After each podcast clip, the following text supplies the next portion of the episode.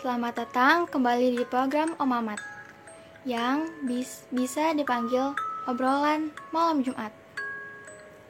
Om Amat minggu ini bertemakan cerita horor lagi nih. Saya Kalisa Atenafisa dari kelas 7B. Pengurus OSIS bidang humas, informasi, dan komunikasi. Sekaligus pembawa acara pada malam hari ini. Saya hari ini akan membawakan sebuah kisah horor yang datang dari tempat angker di seluruh dunia. Tanpa perlu berlama-lama lagi, langsung aja kita mulai ke cerita pada malam hari ini. Cerita pertama datang dari hutan Aoki Gahara yang berasal dari Jepang. Pernahkah kamu mendengar tentang sebuah tempat yang sempurna untuk meninggalkan dunia yang fana ini alias mati. Hutan Aoki Garaha di Jepang adalah salah satunya. Meski kedengaran aneh, tapi memang benar bahwa Aokigaraha adalah tempat yang populer untuk bunuh diri. Menurut statistik, sejak tahun 1988 menunjukkan bahwa setiap tahun sekitar 100 orang bunuh diri di tempat itu. Pada tahun 2010 saja ada sekitar 247 orang yang percobaan bunuh diri. Dan 54 di antaranya berhasil. Hutan Aoki Garaha adalah tempat paling populer kedua di dunia untuk bunuh diri. Sementara itu, tempat pertama yang paling populer untuk bunuh diri diduduki oleh jembatan Golden Gate San Francisco. Lokasi Aokigaraha terletak di dasar barat laut dari Gunung Fuji yang ikonik di Jepang. Penduduk setempat juga mengatakan bahwa tempat itu telah dikaitkan dengan kematian sejak abad ke-19. Menurut adat di sana, seseorang kerabat tua yang dibawa ke tempat terpencil seperti gunung atau hutan dan dibiarkan mati di sana. Orang-orang percaya bahwa hutan itu dihantui oleh Yure. Arwah mereka marah karena ditinggalkan untuk mati. Sirkulasi mengatakan bahwa pohon-pohon di sana juga dipenuhi dengan energi yang jahat yang telah terkumpul dari semua kasus bunuh diri dari masa lalu. Ada yang mengatakan bahwa orang yang frustasi atau tertekan yang ingin mati secara misterius ditarik ke hutan Aokigaraha oleh kekuatan gaib. Kekuatan itu memberi isyarat mereka untuk datang. Beberapa dari mereka yang diselamatkan telah melapor bahwa mereka memiliki perasaan samar-samar ditarik ke arah hutan. Rasanya seperti seseorang memaksa mereka untuk datang dan mengakhiri perjalanan mereka di sana. Lalu jenazah dibawa ke stasiun dan disimpan di kamar cadangan. di sini mayat tidak ditinggalkan sendirian. Beberapa pekerja tidur di tempat tidur di sebelah mereka. Dikatakan bahwa jika mayat itu tidak bisa dibiarkan sendirian. Yure yang tidak puas dan marah akan berteriak sepanjang malam dan mayat itu bergerak dengan sendirinya. Banyak cerita hantu dan setan lain yang terdengar hutan. Bahkan ada pengunjung yang mengatakan melihat arwah berbaju putih menyelinap di antara pepohonan. Hutan Aokigaraha berjarak sekitar 2 jam perjalanan dari Tokyo, Jepang. Jika Anda berencana untuk pergi ke dengan kereta api, maka naiklah kereta api Fuji-Q ke stasiun kereta Gua Chiku, kemudian bus retro. Pintu masuknya ada di tempat kiri parkir Gua Kelelawar Danau Sia.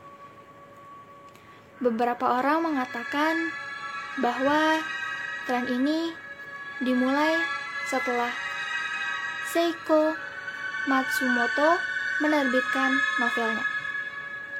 Kurio Kijo Laut Hitam Pohon pada tahun 1960. Pada novel tersebut, dua karakter bunuh diri di hutan. Pada awal tahun 2018 ini, hutan diberikan gara-gara seorang youtuber bernama Logan Paul. Logan Paul mengunjungi hutan Okigaraha selama perjalanannya ke Jepang dan diduga menemukan mayat. Video tersebut menerima jutaan penayang dalam waktu rentang singkat, tetapi kemudian video itu dihapus. Banyak juga orang yang mengkritik youtuber ini karena menganggap topik bunuh diri sebagai lelucon. Youtuber telah menghapus video itu sejak kesadian saat itu. Logan sendiri telah minta maaf untuk seluruh episode yang dia tayangkan. Cerita selanjutnya ada rumah sakit rumah sakit jiwa Gong Jiam berasal dari Korea Selatan. Korea Selatan selama ini dikenal dengan keindahan negaranya, seperti Pulau Jeju dan Busan, serta hawa romantis di Nami, Iceland. Negeri gingseng ini juga terkenal dengan klinik operasi plastiknya yang banyak terdapat di sudut kota. Namun, di balik indahnya yang ditawarkan Korea, mereka juga punya tempat yang menyeramkan. Jika Jepang punya hutan Okigaraha, maka Korea Selatan mempunyai rumah sakit jiwa Gong Jiam. Berlokasi di sebuah bukit kota Gwangju, Provinsi Gyeonggi-do, rumah sakit jiwa Gongjiam atau yang dikenal juga sebagai Gongjiam Psychiatric Hospital dikenal mempunyai reputasi yang baik pada masanya.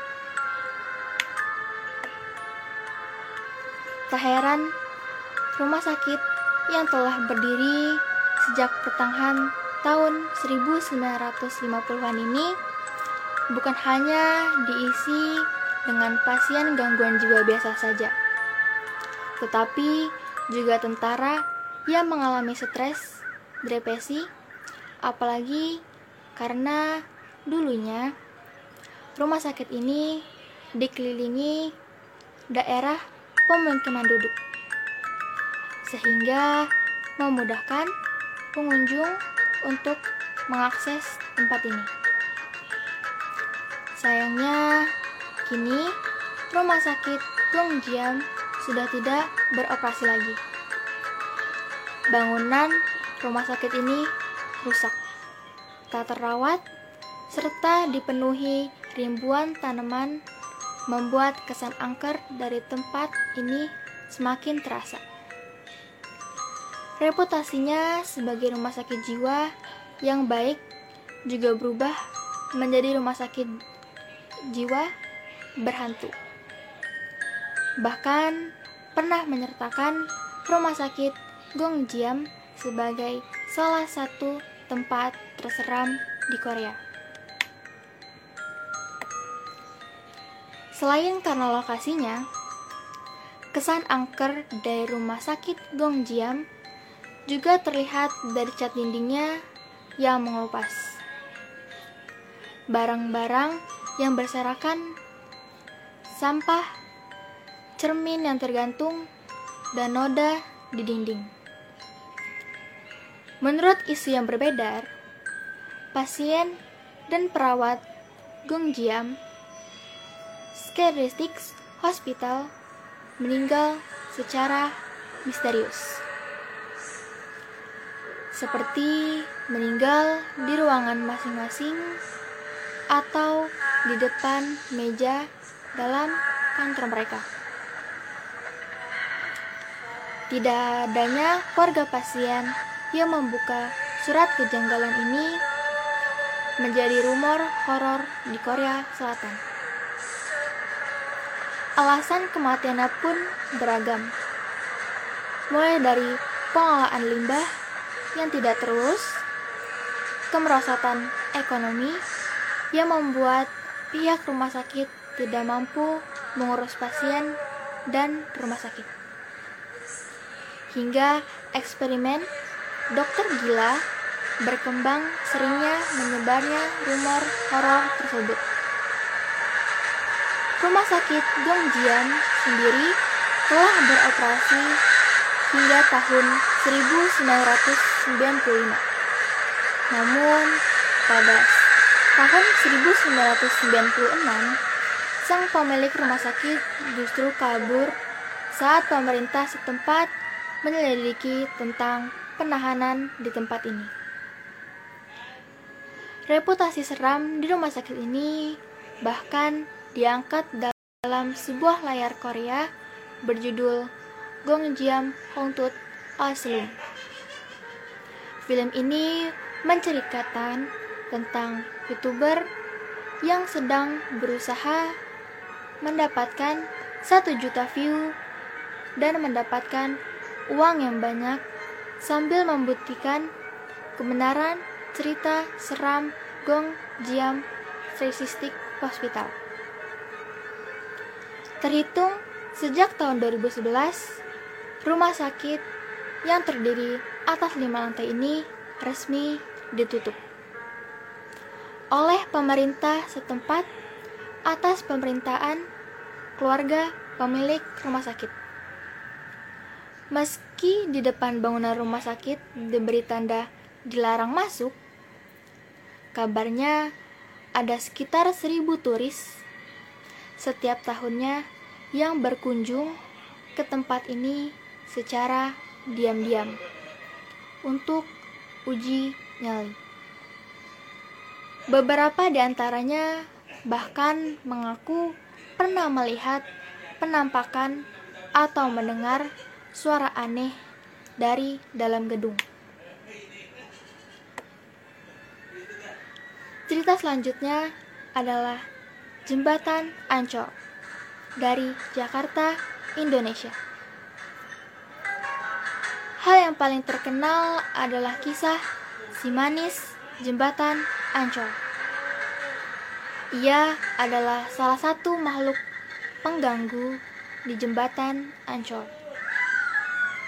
Jembatan itu diyakini warga setempat sebagai salah satu lokasi angker yang berada di daerah Jakarta Utara. Kisah ini sangat amat menggeledah dan sangat terkenal pada era 90-an. Bahkan kisah ini sudah diangkat menjadi sebuah film. Kronologisnya, bagaimana kisah ini muncul awalnya bermula ketika salah satu perempuan bernama Maryam tewas di sekitar kawasan jembatan Ancol. Setelah diperkosa secara bergilir oleh beberapa pria, usai diperkosa, jasad Maryam dibuang ke bawah jembatan. Kematian yang cukup tragis membuat Maryam berubah menjadi sosok si manis yang mengganggu jembatan Ancol. Warga sekitar percaya bahwa arwah cantik dan manis itu masih bergentayangan. Warga juga percaya bahwa arwah wanita itu suka penasaran dengan orang-orang di tempat itu dan menghantui tempat tersebut. Tiap malam Jumat, di situ sering muncul sosok berpakaian merah menggunakan payung Waktu saya kecil, saya pernah nyamperin dia. Pas saya mendekat, malah hilang. Ucap salah satu warga di situ. Salah satu bukti yang membuat warga setempat yakin bahwa lokasi itu memang dihuni oleh makhluk gaib, yaitu dengan terjadinya peristiwa kecelakaan fenomenal yang terjadi pada tahun 1990. Berdasarkan pengakuan dari korban yang selamat, kejadian itu berawal dari adanya sosok wanita yang muncul tiba-tiba di kawasan jembatan Ancol.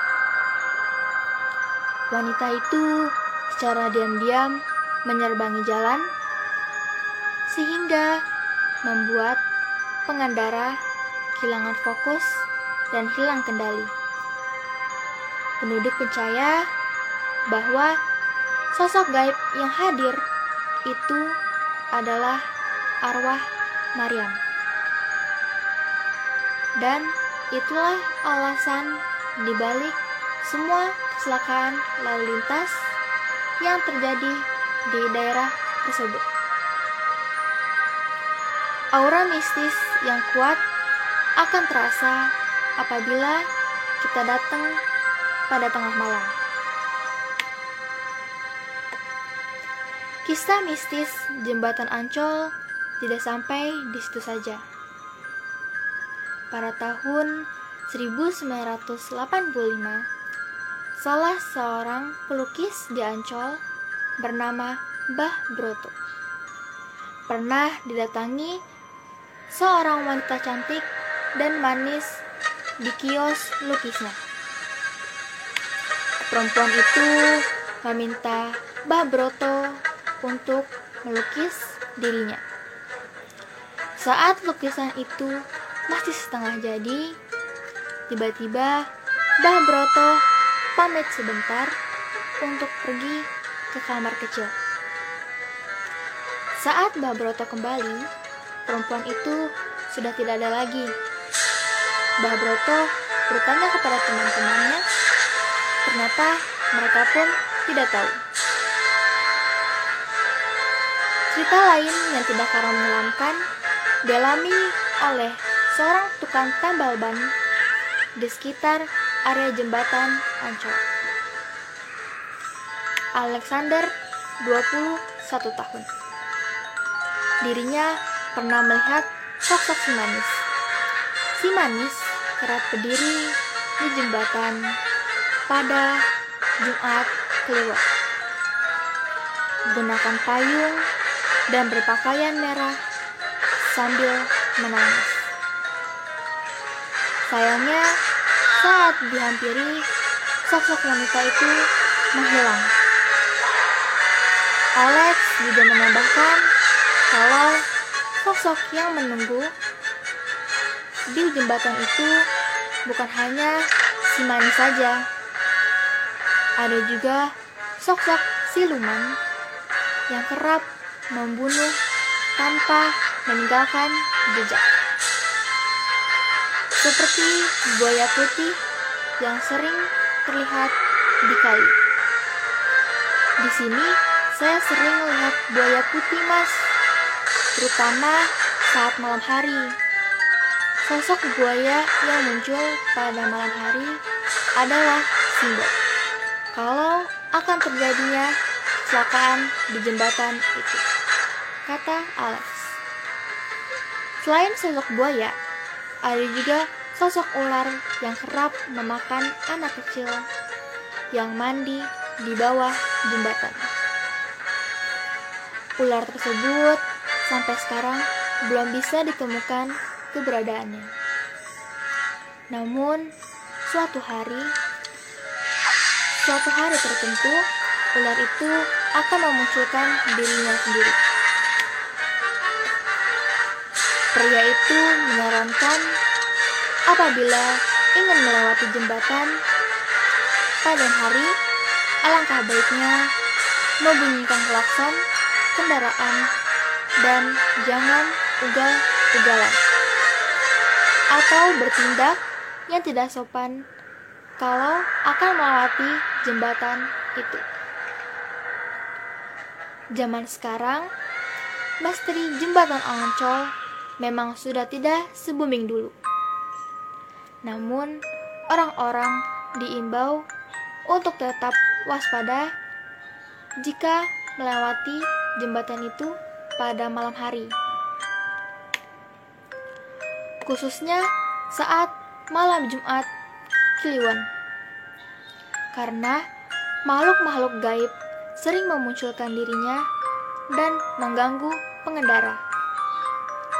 Sekarang udah nggak begitu sih ya. Dulu mah kecelakaan tuh udah biasa di sini. Tapi sekarang udah nggak rame, jadi jarang. Cuman tetap kudu sopan, jangan ugal-ugalan. Ungkap Aryo, seseorang ojek online yang sering mangkal di daerah jembatan Ancol.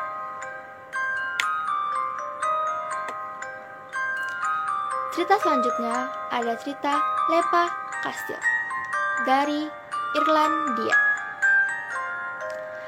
Tersimpan sejarah kelam masa lalu di antara batu-batu tua yang menyusup Lep Kastil. Serangkai sejarah kelam yang terus terjadi sejak 750 tahun yang lalu. Sejak pertama kali dibangun. Salah satu yang paling mengerikan pernah terjadi di ruangan utama Banteng hingga dikenal sebagai Bloody Chapel atau kapel berdarah. Sekitar tahun 1500-an, sebanyak 40 anggota klan MC Mahon dibunuh oleh klan O Karol saat sedang berpesta. Cerita bermula saat Lab Castle Irlandia pertama kali dibangun pada 1250 Masehi oleh klan O Karo. Pada tahun 1532, ketika kematian pemimpin klan terjadi sengketa kepimpinan. Sengketa tersebut berakhir saat T.O. Karol meneriakin ritus suci dan menghunus pedang ke belakang imam yang juga kakaknya sendiri. Tandeus Okaro Imam Tandeus Okaro terluka parah dengan bersimbah darah di atas latar suci dan di depan seluruh keluarganya. Sejak saat itu, arwah Imam Taudeus Okaro tidak pernah tenang dan menjadi tragedi pertama di Bloody Kapel. Arwah sang imam menghantui setiap kau kastil untuk menuntut keadilan atas kematiannya kepada anggota Okaro. Pembunuhan kejam lainnya juga terjadi di tahun 1500-an. Saat itu, anggota klan MC Mahan menghadiri pesta perayaan kemenangan di Led Castle karena telah memenangkan peperangan melawan musuh bersama Okaro. Klan Mahon memang dikenal sebagai klan yang sangat andal dalam olah senjata. Klan MC Mahon disewa oleh klan Okaro untuk membantunya dalam peperangan melawan musuh bebuyutannya. Tanpa dinyaya, sebanyak 40 anggota klan musuh justru diracuni saat menghadiri pesta tersebut. Hal tersebut dilakukan oleh klan Okaro untuk menghadiri pembayaran atas jaksa klan MC Maha. Tragedi keji ini kemudian disebut sebagai yang paling kejam di Bloody Kapel. Arwah para tentaranya, anggota klan MC Mahon, konon menghantui tempat ini hingga kini. Pada tahun 1922, terdapat seseorang pekerja di lab kastil menemukan perangkap rahasia di balik dinding sudut Bloody Castle. Saat mereka menjelajah lorong gelap yang terus mengarah ke bawah, lalu menemukan puluhan rangka manusia di atas paku kayu di sebuah ruangan serupa dengan penjara. Diyakini ruangan tersebut adalah ruangan rahasia klan Okaro membunuh musuh dan tamu tak diundang. Kemagahan Lab Kastil kemudian dihancurkan pada tahun 1922 oleh IRA dan menjadi reruntuhan. Tahun 1991, kepemilikannya dibeli oleh Shin dan Anne Ren. Shin memulihkan kondisi benteng sebagai semula dan menjadikan tuan rumah bagi siapa pun yang penasaran dengan rangkaian lab kastil. Sin mengaku sering dihantui oleh arwah-arwah di tempat ini. Namun, sering berjalannya waktu, ia pun bisa berdamai dengan damai. Itulah tadi beberapa kisah tempat angker di seluruh dunia. Gimana nih cerita hari ini? Gak kalah serem dari minggu-minggu sebelumnya kan? Nah, itu tadi cerita horor dari minggu ini. Kalau kalian punya pengalaman horor, bisa di-share di IG OSIS dan cerita kalian bakal dibacain di minggu berikutnya. Sampai jumpa di malam Om Mamat berikutnya. Saya, Kalisa Athena Visa, selaku penyiar pada malam hari ini.